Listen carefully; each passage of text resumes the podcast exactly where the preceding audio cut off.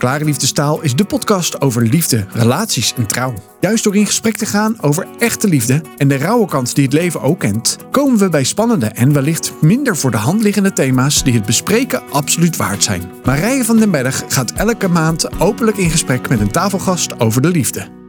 Van harte welkom opnieuw bij de podcast. Vandaag zit ik aan tafel met Jorien Ouweneel. En sterker nog, ik ga een miniserie met haar opnemen over ongewenste kinderloosheid. Zo gaan we drie keer met elkaar in gesprek en komen er allerlei echt hele mooie, maar ook kwetsbare en tere thema's ter tafel. En ik wil je uitnodigen om daarin ja, aan te haken of dat je daar nu zelf ook ervaring mee hebt of niet.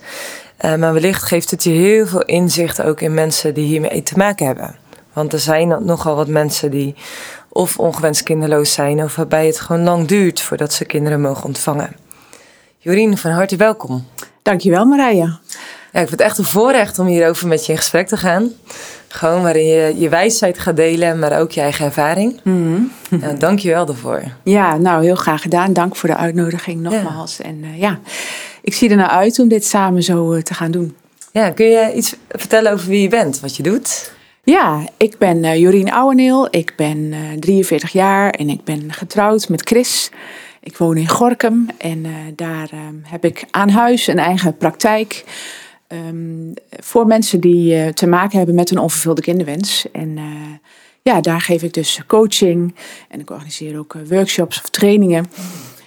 allemaal rondom dit thema. En dat is ja, ontstaan vanuit um, een eigen ervaring, eigen ervaringen die ik daarmee heb. En um, ja, uiteindelijk heb ik door de jaren heen uh, nou, best wel ook veel worstelingen, uh, denk ik begrijpelijk. Maar um, van mijn pijn ergens een stuk passie ook kunnen maken. Ja. En uh, kan ik nu, ja, zo zeg ik het vaak, de troost die ik zelf ontvangen heb, ook uitdelen om daar weer anderen mee te troosten. Dus, ja, het is ja. natuurlijk een heel bijzonder principe ook, wat God ons ook geeft. Ja. Van, ja, om daarin de troost die je zelf te ontvangen hebt, om dat weer door te geven. Ja. Maar dat betekent wel dat je een heel proces achter je hebt liggen waarschijnlijk. Ja, klopt. Dat is echt wel een proces van jaren uh, geweest. Um, ja, dat gaat niet zomaar. En daarvoor heb je zelf ook wel eerst ja, je eigen, ja, dat noem ik vaak je eigen rouwarbeid te doen. Mm -hmm. En, um, nou, en dat is ook iets wat eigenlijk misschien nog wel niet eens uh, ophoudt. Want uh, dit verlies en dit verdriet komt in ja, verschillende fases van je leven natuurlijk gewoon weer terug. Dus, uh, maar ja, ik kan wel zeggen dat ik daarvoor een heel groot gedeelte echt wel ja, me doorheen geworsteld heb. Ja, ja. ja, nou ja ik mag je natuurlijk al langer kennen. Uh, dat is ook de reden dat ik dacht, hey, ik wil je zo graag uitnodigen. En deze uitzending komt in mei online. Mm -hmm. Dat Mhm. betekent dus dat het uh, rondom Moederdag is. Is Moederdag voor jou altijd een, een lastige periode? Want je zegt, hè, dat, dat blijft eigenlijk deel van je, dat gemis. Ja, uh, nou ja, Moederdag Um, nee, eigenlijk voor mij persoonlijk uh, vind ik dat niet zo'n moeilijke dag. Ja, weet je, er is natuurlijk dan heel veel aandacht uh, op tv en in reclames en, en, en overal voor, voor uh, het moederschap. maar weet je, ik zie dat eigenlijk gewoon heel breed, moederschap. Um, en ja, ik eer dan ook altijd mijn eigen moeder. Uh, die mij uh, gewoon op de wereld heeft gezet. Ja. En sowieso eigenlijk alle moeders. Want ik vind, ja, moeders hebben gewoon een hele bijzondere taak en rol in deze wereld. En daar, daar mag gewoon aandacht voor zijn. Ja. Dus, uh, en eigenlijk ja, dan dus ook moederschap in het breed. Want weet je, ik kan net zo goed een moeder zijn voor een jonge vrouw of een jong meisje bij ons in de kerk bijvoorbeeld. Uh, en dan kan ik een stukje moederschap vervullen, wat ze misschien bij haar eigen moeder uh, even niet kan vinden. Ja. Dus zo uh, ja, vind ik Moederdag, trek ik dan gewoon breed en ja, betrek ik dat niet zozeer meer heel erg op mijn eigen mm. verlies of gemis. Ja. ja. Kun je ons een beetje meenemen in, in de drie luik die we op gaan nemen? Wat zijn de thema's die daarin voorbij komen? Ja, um, nou, hè, ongewenst kinderloosheid, wat ik eigenlijk net ook al zei, is eigenlijk iets wat, wat als het je treft, gewoon een soort van je leven lang ergens een thema is wat blijft terugkomen. Um, voor deze podcast uh, dacht ik, hey, is misschien wel handig om het uh, op te delen in, in drie uh, delen, fases eigenlijk. En dan is het eerste deel gaat over van hoop naar vrees. Uh, en dat is dus echt heel erg ja, aan het prille begin van de kinderwens. naar uiteindelijk steeds meer het besef van, oh, het gaat anders of het gaat niet eh, zoals we graag zouden willen. Ehm, daarna gaan we door naar de tweede podcast en die heeft dan het thema Door de wanhoop. Ehm, en ja, dat is echt de wanhoop van, van de rouw en alles wat daarbij komt kijken. Uh, van uh, nou, jezelf, je eigen emoties, in je relatie, in je relatie naar andere mensen toe, in je relatie naar God toe. Uh, daar komt dan heel veel bij kijken, wa wat onder spanning komt eigenlijk. En dan hoe ga je daarmee om? Welke strategieën ga je daarvoor hanteren? Uh, wat werkt wel en wat werkt niet. Nou, ik ga ook steeds ergens wel een stukje delen uit mijn eigen leven en ervaringen. Uh, maar ook natuurlijk vertellen over dingen die ik daar in de praktijk uh, in tegenkom. En de derde podcast gaat over de weg naar nieuwe hoop. Um, en dat is ergens als je ja, uiteindelijk, en weet je, daar, daar kun je geen tijd voor, voor zetten hoe lang dat duurt. Mensen willen eigenlijk het liefst meteen die weg naar die nieuwe hoop vinden, mm. want dat is natuurlijk fijn. Ja, ja. Um, maar ja, ergens komt er dan wel een moment dat je gaat zien en weer beseffen van, ja, dit is zo en, en ik ben oké. Okay. Mm. Uh, zoals wat eigenlijk ook de naam van mijn praktijk is, mijn leven is oké. Okay. Dat je uiteindelijk dat kunt zeggen van, ik heb dit verlies, ik heb dit verdriet, ik ben er doorheen gegaan, ik heb ermee geworsteld en dit is wie ik nu ben. En, mm. en vanuit daar dan weer verder. Mm. Dat is dus de fase naar nieuwe hoop en daar gaan we het dan in de derde podcast mm. over hebben. Ja, een vraag die bij mij meteen rijst is: kun je niet van hoop gelijk naar nieuwe hoop gaan? Moet je daar doorheen? Um, er zijn heel veel mensen die van uit de, aan het begin van de wanhoop meteen naar nieuwe hoop gaan. Mm uh, want dat is het fijnst. Mhm. Want we willen graag allemaal het liefst uh, onze pijn uh, vermijden en uit de weg gaan. En um, ja, dat, dat doen ook heel veel mensen. En dat werkt ook vaak wel voor een poosje. Um, maar ergens blijven die emoties dan liggen. Blijven die gevoelens opgeslagen in, in je lijf en in je geheugen. En dat gaat zich ergens een keer uiten. Uh, dat gaat vastzitten en dat noemen ze ook wel vaak gestolde rouw. Wat dan ergens vastzit in je, in je lijf soms, dat het daar uitkomt. Of in een stuk vermoeidheid, of in een stuk somberheid, wat maar niet weggaat, zeg maar. wat moeilijk te adresseren valt. Precies, precies. En dan ergens zijn dat vaak signalen om te zeggen, hé, hey, nu, nu is het tijd, nu moet ik hier echt doorheen. Ja. Nou, daar gaan we zeker ja, inzichten en tools voor krijgen in deze drie luik. Mm -hmm. Ja. Van hoop naar wanhoop. Dat is deel 1 van, de, van deze serie. Daar gaan we het vandaag over hebben. Kun je daar wat over delen? Van de, wat is dan die hoop? ik kan me zo maar voorstellen dat als je trouwt en je hebt een plaatje voor je van we worden samen, samen oud met kinderen en wellicht ook kleinkinderen op den duur. Is dat de hoop waar je het over hebt? Ja, precies, inderdaad. Uh, het verwachtingsvolle. Um, misschien zelfs wel een beetje het idealistische. Als ik naar mezelf kijk, denk ik, oh ja, ik was 22 toen ik trouwde, gewoon echt jong. En nu achteraf denk ik, oh ja, wat was ik? Wat had ik een ideaal plaatje gewoon voor me en idealistisch, uh, romantisch en he, prachtig en heel mooi en logisch ook. Um, maar ja, dan, um, zo start je je huwelijk. Ja. Uh, en, en dan ben je, je verwachtingsvol. En, en nou, dat heeft soms ook wat te maken met, met je eigen leven, het gezin waar je uitkomt, hoe dat geweest is. En dan ergens een verlangen om, ja, om dat ook een stuk voor te kunnen zetten. Ja, dus jij had altijd een verlangen ook voor een groot gezin. Ja, klopt. Ik kom zelf uit een gezin met vijf, uh, vijf kinderen. En ja, dat was gewoon fijn en, en gezellig. Ik ben de middelste. En uh, ja, ergens had ik altijd wel de hoop en het verlangen om ook zo'n groot gezin te hebben. Zo'n ja, gezelligheid om me heen. En uh, dat, dat plaatje had ik al bedacht, eigenlijk zeg maar in mijn hoofd, hoe dat eruit zou zien. En, ja, ehm, herkenbaar. Toch? Ja, ja, ik denk voor heel veel mensen. Ja, precies. Dus, dus hè, toen ik trouwde had ik al wel een beetje zo bedacht van... nou, rond mijn 26e uh, zou ik het leuk vinden om het eerste kind. En dan gewoon zo om de paar jaar, zeg maar. En dan dat je ergens zo begin dertig, nou, dat dat gezin een soort van compleet is. En nou, dan lekker uh, werken, mijn man aan het werk, ik thuis voor de kinderen. Uh, ik had al helemaal zo'n plaatje. Ja. En um, ja, daar, daar begin je hoopvol aan en, en verwachtingsvol. En uh, ja, weet je, je in, aan het begin van je huwelijk ontdek je elkaar gewoon in seksualiteit en intimiteit. Dan is dat allemaal nog mooi. En, en nou, op het moment dat je dan echt je openstelt om te zeggen van ja, we willen graag kinderen als God het geeft. Ja, dan ben je elke keer verwachtingsvol gespannen van oh, zal het nu gelukt zijn? En dan nou, ben je teleurgesteld als je weer ongesteld wordt. Maar dan denk je ook, nou ja, oké, de volgende keer. Ehm, en, en maar is dan eigenlijk elke maand dat je verwachtingsvol bent? Van, Ja, is, het dan nu, Ja. is het dan nu de tijd? Ja, is het nu de tijd? Ja, wat voel ik nu? Eh, is dit anders dan anders? Hè, zo, zo ben je dan, ga je toch wel eh, onbewust of bewust al een beetje met je lijf bezig, helemaal als vrouw. Ja. Ehm, en ja, naarmate dat dan langer duurt en, en uiteindelijk ja, je ergens misschien toch wel een beetje het gevoel krijgt van hmm, hmm, hmm, ik weet het niet zo goed. Ja, dan begint er al een stukje spanning eigenlijk te komen.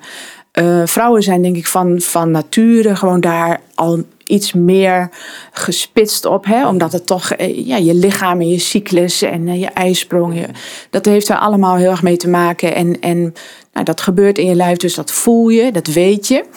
Ehm, maar naarmate dat dus langer duurt, dan, dan ja, bouwt die spanning zich wat op. Ehm, en dan is het heel vaak ehm, ja, toch de vraag van, hé, hey, wat, wat, wat nu?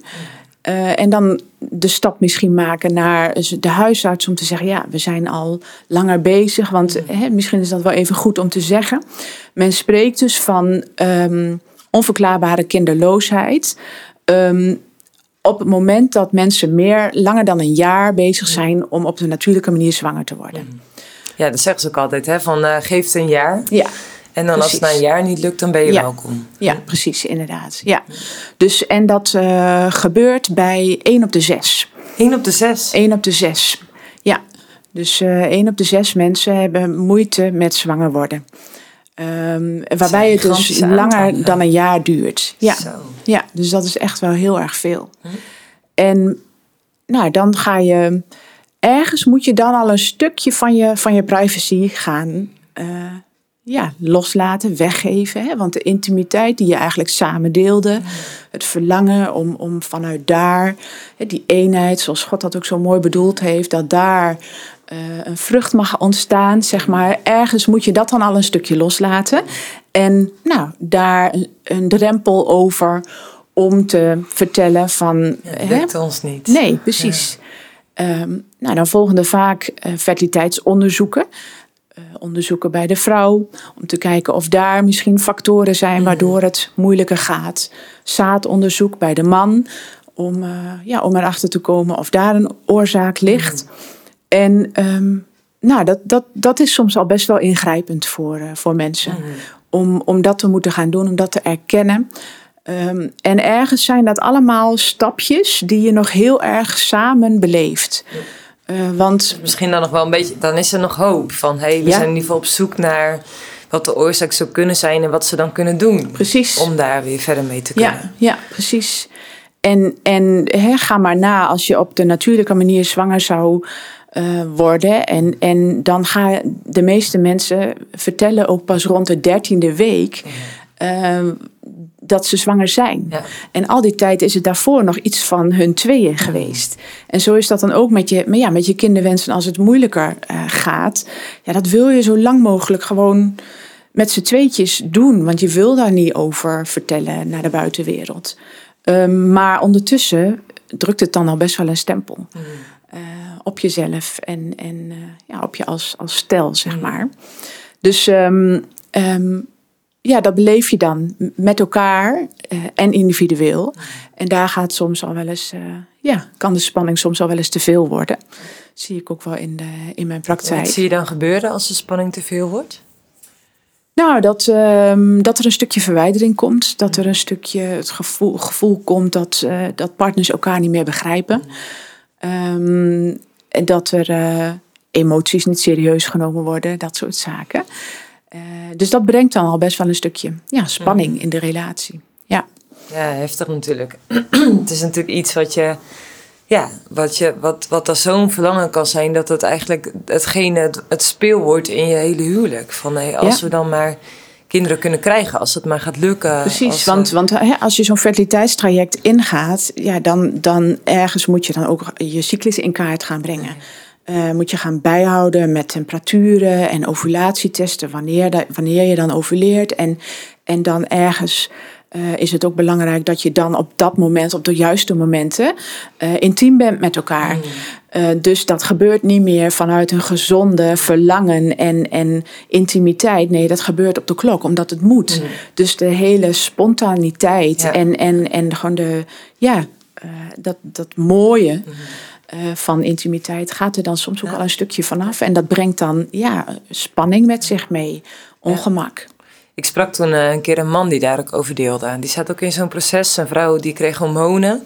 En dan moesten ze ook zo op die gezette tijden dus met elkaar vrijen.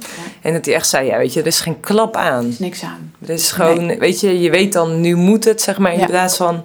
Dus het is dan, eigenlijk wordt er dan zo'n stuk, ja, vreugde, intimiteit, gewoon veiligheid eigenlijk geroofd. Omdat Ja. eigenlijk iedereen meekijkt. Nou, niet iedereen, maar wel... Ja, ook de artsen zijn natuurlijk benieuwd hoe het dan, eh, hoe het dan verloopt. Ik bedoel, Precies. dus het is niet alleen maar eh, voor samen, maar het is dan opeens een grote geheel of zo. Ja. In plaats van dat het in de veiligheid van, van je eigen ja, privé-omgeving Precies. zeg maar, plaatsvindt. Ja, klopt. En je kunt je voorstellen, op het moment dat je daar dan zo mee bezig bent. En zo hè, bewust intiem bent op die momenten dat het moet. En dat je gewoon weet van ja, en nu is mijn lichaam er klaar voor. Kun je je voorstellen dat, dat die hoop, die verwachting alleen maar weer hè, groter wordt. En de teleurstelling des te dieper op het moment dat het dan weer niet gelukt is. Eh, dus, dus al die keren dat je dan als vrouw eh, ongesteld wordt, zijn eigenlijk al kleine verlieservaringen, Ja. zeg maar. Ehm, maar ja, weet je, daar, heel vaak sta je daar niet bij stil, want je bent zo inderdaad gericht op nou, het krijgen van een kind, het zwanger worden. eh, dat dat verlies en dat verdriet, nou, dat, dat soort van, dat, dat, dat neem je dan maar voor lief. Eh, en je gaat weer door.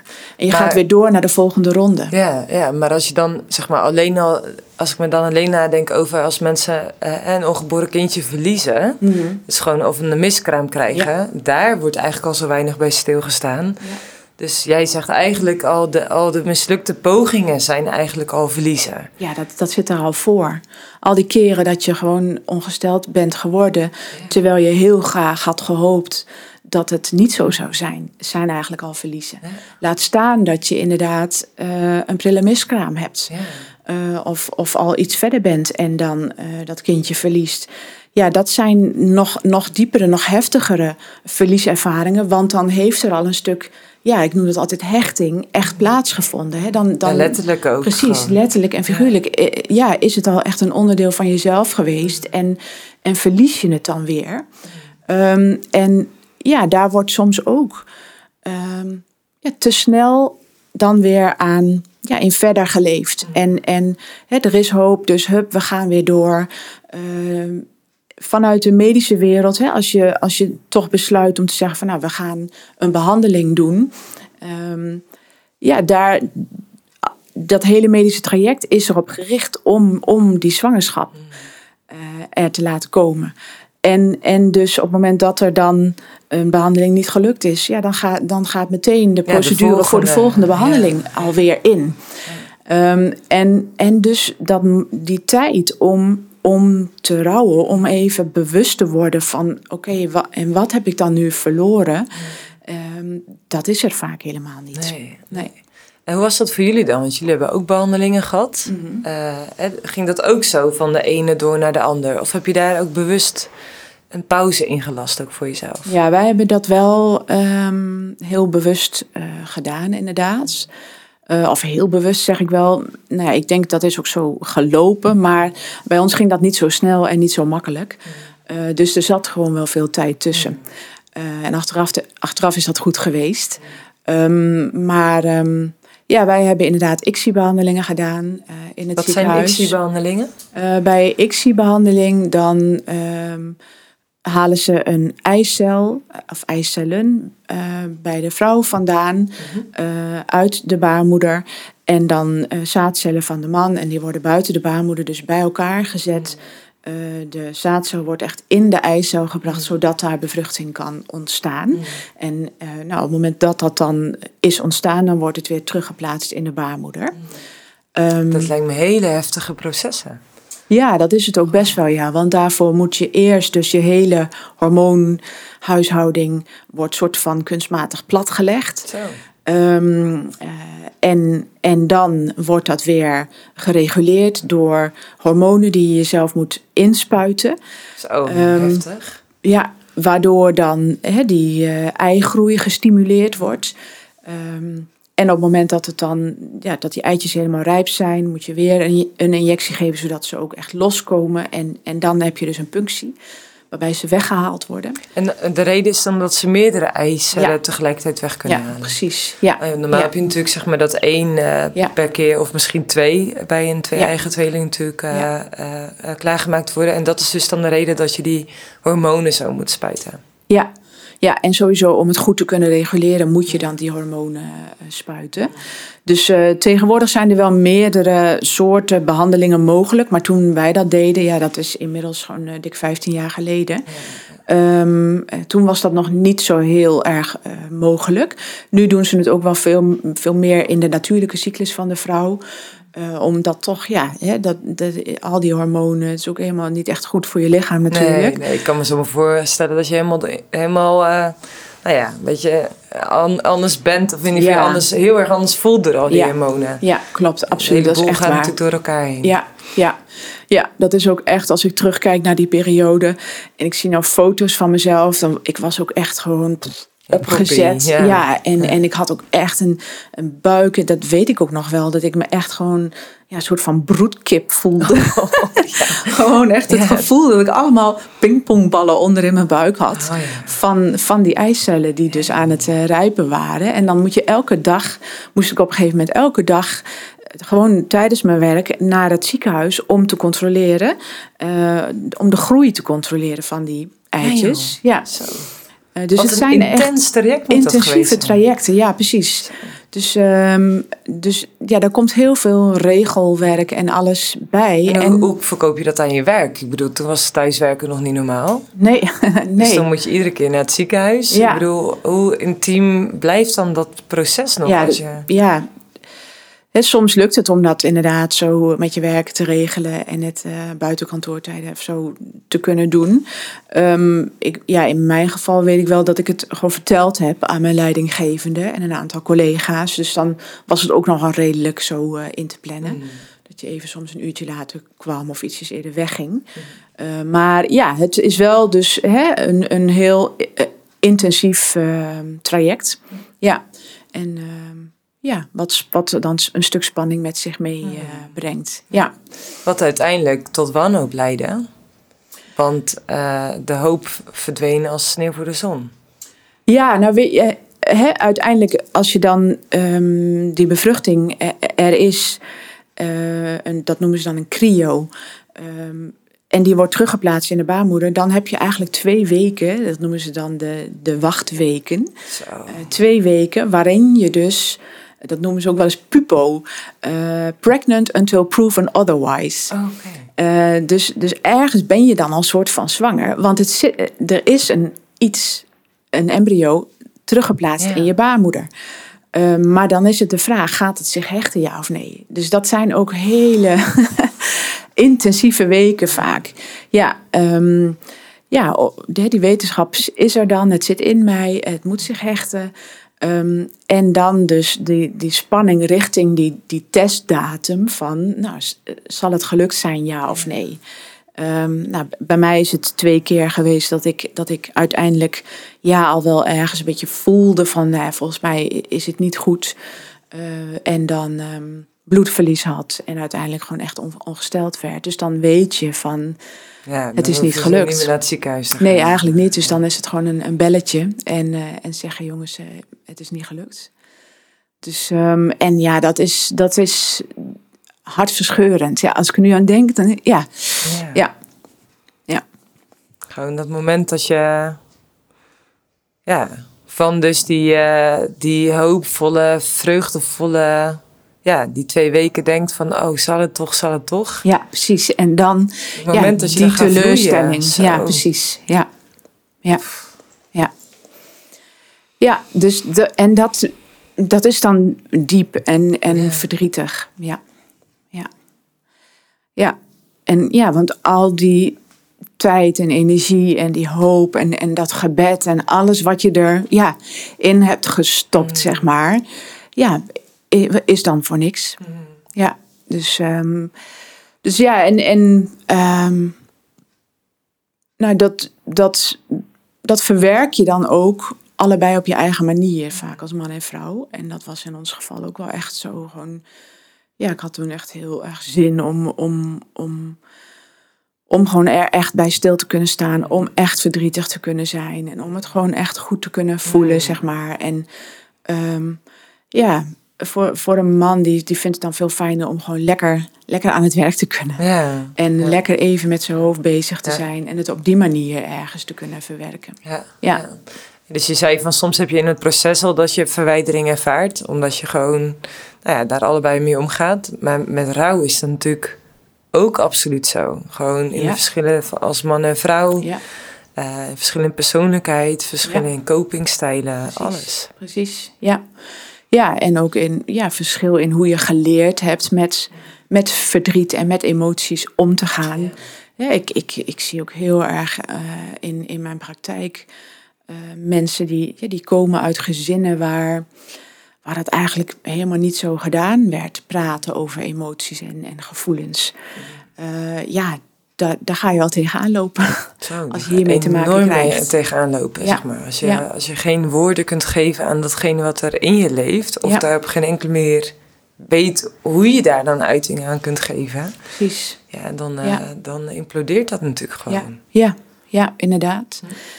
En ehm, ja, hè, sommige mensen ehm, zijn er heel open over en hebben al helemaal aan hun omgeving ook verteld waar ze in zitten en, en dat ze dan zo'n medisch traject bijvoorbeeld doen. Eh, dan wordt er heel erg meegeleefd en dat is, eh, dat is ja, soms heel erg fijn en soms wil je het ook liever gewoon ja, voor jezelf houden. Heb je eigenlijk helemaal geen zin in al die, al die vragen. Ehm, en wat ik net ook al eerder vertelde is, hè, sommige mensen doen dit dus nog helemaal met z'n tweetjes. Eh, zonder dat daar eh, ja, mensen vanaf weten. En ehm, ja, dat wordt wel steeds lastiger naarmate het langer duurt, naarmate je meer behandelingen moet gaan doen die mislukken. Op een gegeven moment ga je wel ja, voelen en merken van hé hey jongens, eh, dit, dit, dit trekken we niet zo Nee, met z'n nee, tweetjes. Of dit trek ik niet in mijn eentje. Ik- we moeten hier ja, over praten. Ehm, en, en, ehm, want ja, dan zeg ik ook vaak, gedeelde smart is dan halve smart. Ja, Gewoon als je het met elkaar kunt delen, dat helpt al zo'n stuk. Denk je dat er veel schaamte omheen hangt? Ja, ja zeker. Terwijl één op de zes, zeg je, heeft moeite om zwanger te worden. Ja. Maar schaamte is dan ook een thema waardoor ze eigenlijk dat dus daar samen, of eigenlijk alleen of samen daar mee, worstelen. worstelen. zeg maar. Ja, dat is echt waar. En, en ik zie dat echt ook heel erg duidelijk in mijn praktijk. Ook, ja, er zijn gewoon helemaal in christelijke kring gewoon ergens eh, zo wordt er ook vaak zo over gesproken, hè? Van wees vruchtbaar en word talrijk. Ja. Vermenigvuldig je en, en eh, heers over de aarde. Ehm, alsof het heel vanzelfsprekend is. En helemaal in gemeenschappen waar, waar ja, grote gezinnen een soort van vanzelfsprekend zijn, Ja, zeg dan maar. krijg je opmerkingen van, eh, van vreemden, van Ja. mensen die je niet eens kent persoonlijk. Ja, van, wordt het hey, niet eens eh, tijd? Ja, zeg Ja. maar. Dat is natuurlijk wel echt heftig. Ja, eh, precies. Ja, en dan is dus dat stuk, ja, wat jij zegt, schaamte of schuldgevoel, eh, heel sterk aanwezig als, het, eh, als het niet gaat zoals je had gehoopt. En helemaal als je dan nog ja, komt uit, uit een gezin of omgeving waar niet zoveel over gevoelens en dergelijke gepraat wordt, dan maakt het dat helemaal niet makkelijk. Nee, nee, het wordt Nee. heel complex natuurlijk. Ja. Ja, Ik herinner me nog een gesprek wat wij jaren geleden hadden.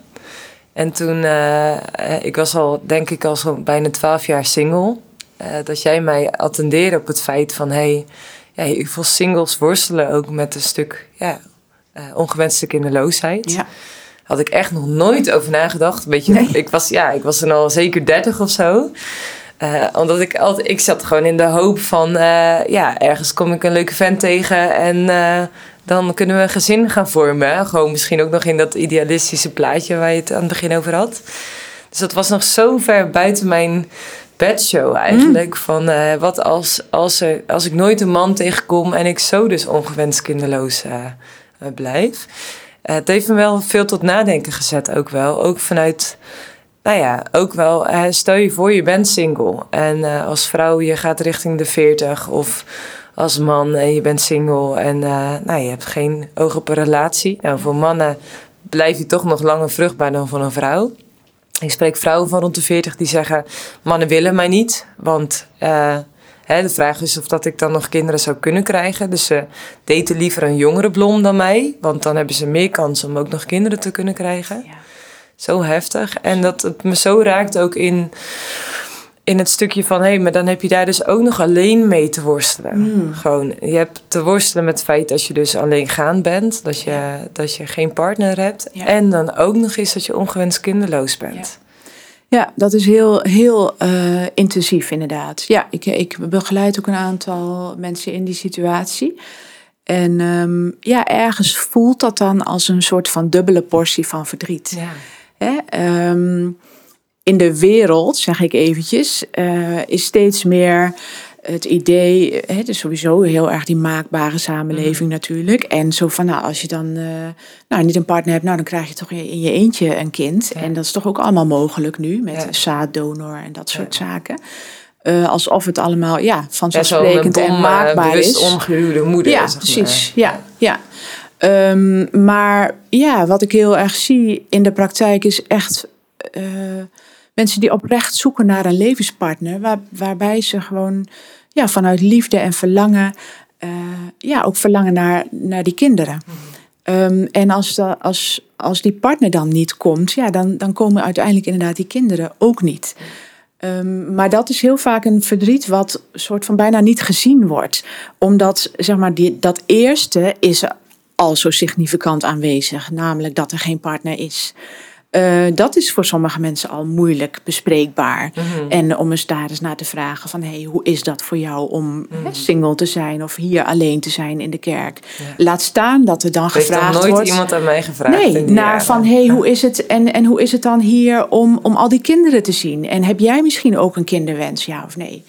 Um, Terwijl, ja, ik weet zeker dat er gewoon heel veel singles zijn die, die daarmee te maken hebben. En die ergens ook dat verlangen hebben moeten loslaten of teruggeven. Of, of ja, gewoon uh, dat op een andere manier hebben moeten gaan invullen. Dus, dus ik, ik pleit er echt voor dat dat veel meer gezien wordt. Ja. Om, uh, en, en naar ik gevraagd met jou, wordt. Ja.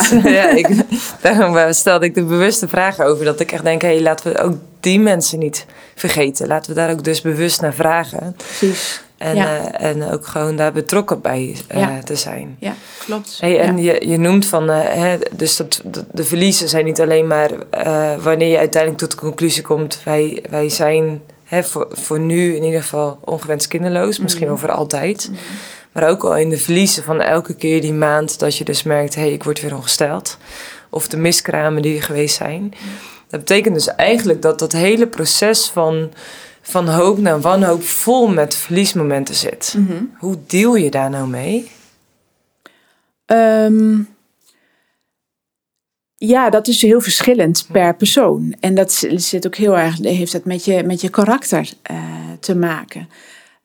Um, ik uh, begeleid nu een stel wat bijvoorbeeld heel erg, nou, zijn hoog opgeleid, doelgericht, pragmatisch. En zo zijn ze ook eigenlijk aan hun hele kinderwenstraject begonnen. En zo zijn ze nu al zeven jaar bezig. Uh, en veertien terugplaatsingen verder. Zo.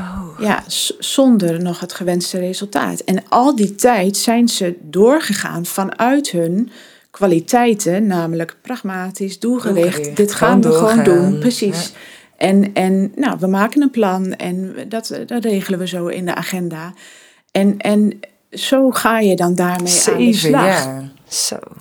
En, en uiteindelijk, ja, loop je daar op een gegeven moment een keer in vast. Ja. Uh, want dan, dan ga je voelen en merken van hé, hey, maar wow, ja, dit wat altijd zo mijn kracht is, ja, dat zorgt er ook voor dat ik aan de andere kant gewoon niet stilsta bij, bij dat verlies, bij dat verdriet en bij het feit dat het allemaal tot nu toe allemaal nog niet gelukt is. En, um, en wat ik dan heel vaak mensen bewust maak is van ja, maar wat je nodig hebt is het feit dat je mag rouwen dat je verdriet mag hebben. En ehm, ergens, mensen die bij mij komen, die, die moeten daar dan soms ook nog een drempel voor over. Want dan is dat het gevoel van, ja, maar als ik nu met mijn verlies bezig ga, dan erken ik dat het zo is. En dat het echt is. En dat het definitief is. En, ik, en heel vaak zeg ik dan van, ja, maar lieverd, dat is niet zo. Je rouwt om de verliezen die je tot nu toe hebt geleden. Je weet nog niet wat er in de toekomst gaat gebeuren. Je weet nog niet hoe dat verder gaat. Maar wat je, dus tot nu toe hebt meegemaakt is al voldoende. En legitimiteit om, om nu verdriet te hebben. Om nu te rouwen. En om dat toe te staan voor jezelf. En dan schep je ook ruimte weer voor de toekomst. Ja. Ja, dus eigenlijk uh, nodig je mensen uit om, om terug te kijken en dat aan te kijken. In plaats van uh, de gedachte van als ik nu ga rouwen, dan, uh, dan accepteer ik dus dat ik nooit meer kinderen zou kunnen krijgen. Ja. ja dat is natuurlijk een heel ander iets. Ja. En dat kan wellicht ook vrijzetten om juist Hè, dus ontspannender ook in je lijf te zitten. Hè? Zeker, want het, het, blokkeert ook op een gegeven moment. Ja. Dat zie ik ook heel, bij, bij heel veel vrouwen. Hè. We, we zijn geschapen als, als mens met geest, ziel en lichaam. En op het moment dat je daarin, gewoon in je, in je, in je geest en in je ziel, uh, een stuk van jezelf gaat blokkeren, omdat je het niet toestaat, namelijk die emoties en dat verdriet, ja, dan gaat zich dat ergens vastzetten. En dan gaat dat ergens op een andere manier blokkades opwerpen. Ja, het zal in ieder geval niet uh, zwangerschap bevorderen. Precies, precies. Aan een stuk stress en spanning en alles wat het dan met zich meebrengt. Dus, dus ik heb dat ook al een paar keer gewoon meegemaakt in, in mijn praktijk. Dat op het moment, ja, dat je, dat je dan de verliezen, de boosheid, de teleurstelling, frustratie, uh, wat het ook is wat zich dan ergens vast heeft gezet in het lichaam en in de geest. Wanneer we dat gaan opruimen en daarmee bezig gaan, dat er dan, wat jij zegt, ook nieuwe ruimte ontstaat. En dat er uiteindelijk ook zwangerschappen zijn ontstaan, omdat er een stuk genezing daar heeft plaatsgevonden. Dat heb je toch bijzonder werk, Jury. Ja. ja, dat is waar. Ja, ja klopt. Ja. Een echt. Uh... Ja.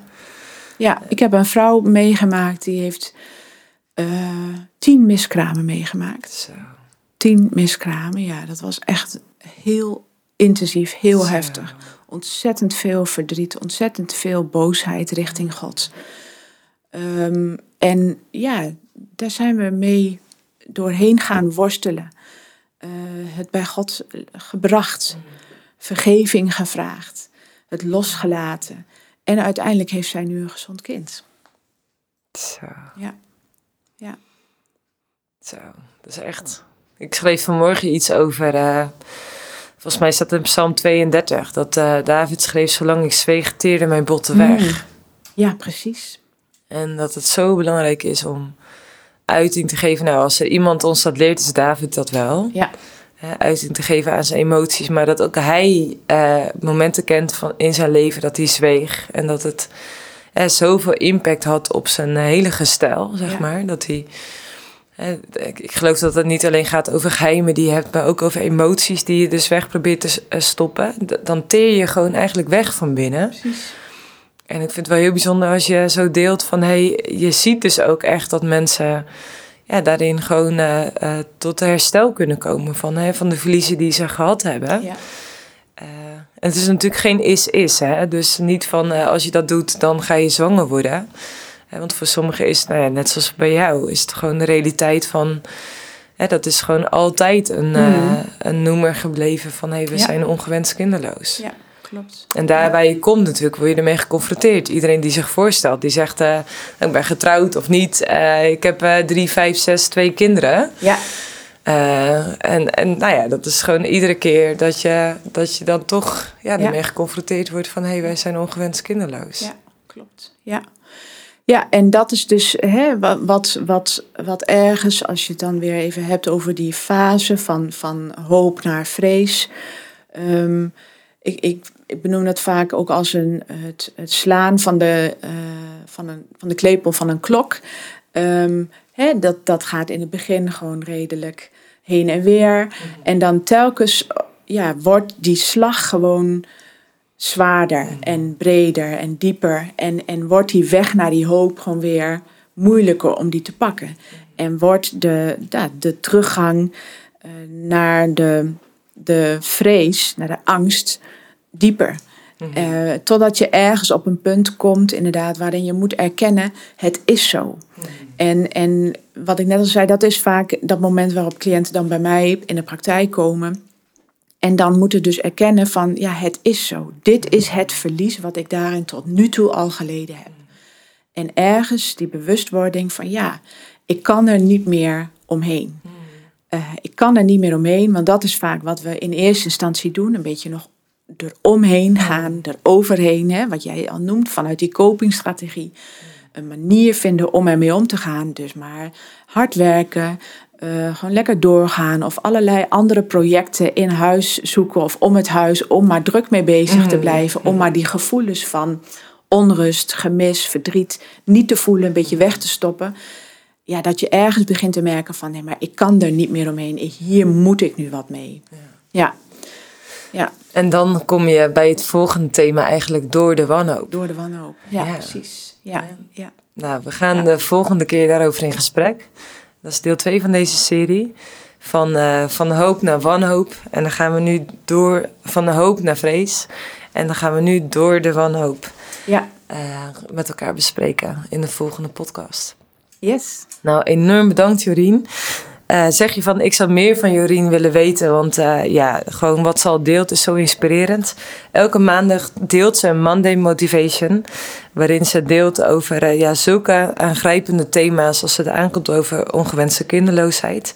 Dat kun je volgen natuurlijk via haar Instagram of Facebook, mijnlevenisok.nl. bovendien heeft ze ook een Facebook uh, besloten zo, lotgenotengroep voor uh, vrouwen. De ene heet lotgenotengroep OK Vrouwen. ongewenste kinderloosheid staat dat voor. En de tweede Facebookgroep is, is voor singles. Single en een onvervulde kinderwens. Um, mocht je meer informatie willen hebben over coaching bij Jorien, dan kan dat natuurlijk ook via haar website. Uh, velen zijn je al voorgegaan, dus weet je van harte welkom. Alleen of samen met je partner als man of als vrouw. Je bent enorm welkom bij Jorien.